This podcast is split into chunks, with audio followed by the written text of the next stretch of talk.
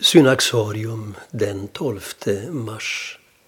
Symeon den nye teologen.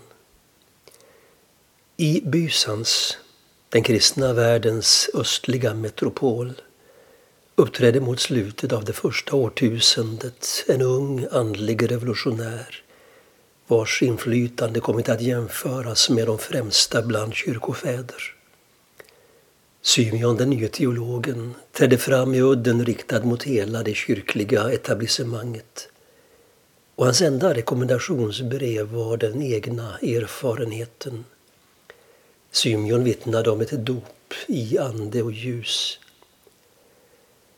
Symeon kom från provinsen Galatien i mindre Asien där han föddes år 949. Hans föräldrar tillhörde den bysantinska aristokratin och innan han var fyllda tolv år sändes han till Konstantinopel för studier. Men hos tonåringen brann redan en hemlig längtan.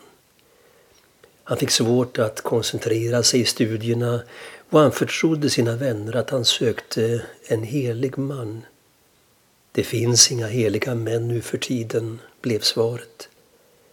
Men ett par år senare korsas hans väg av en person som skulle få avgörande betydelse för honom. Symeon Studiten, en äldre munk, inte prästvigd, men erfaren i livet med Gud. Denne vägleder Symeon i bön och ger honom lämplig litteratur att läsa. När Symeon är 20 år upplever han ett andligt genombrott. En kväll när han sin vana trogen söker Gud fylls hela rummet av ett starkt ljus och han upplever hur tid och rum överskrids. Hela hans väsen genomströmmas av värme och ljus. Men det skulle dröja ytterligare sju år innan han tar steget in i klosterlivet. Den unge novisen skapar då oro i leden och redan efter några månader ber abboten honom lämna studionklostret. Hans andlige fader tar då med honom till ett kloster strax utanför Konstantinopel, Sankt Mamas, där dekadensen var än värre. Här skulle Symeon tillbringa ett kvarts sekel av sitt liv.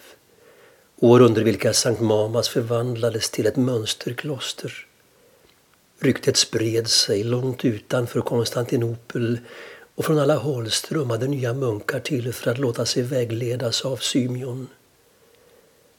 År 1005 drar Symeon sig tillbaka från rollen som klostrets ledare för att få ägna mer tid åt bön. De som ogillar hans tal om människans gudomliggörelse lyckas till sist få den egensinnige munken deporterad till en liten by vid Svarta havets kust. Här formar han i sällskap med några bröder som följt honom i exilen en liten klostergemenskap.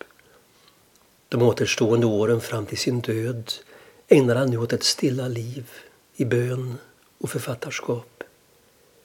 Han skriver några av sina berömda hymner, bländande andlig poesi där Symeon besjunger den heliga treenigheten och människans väg till gudomlig görelse.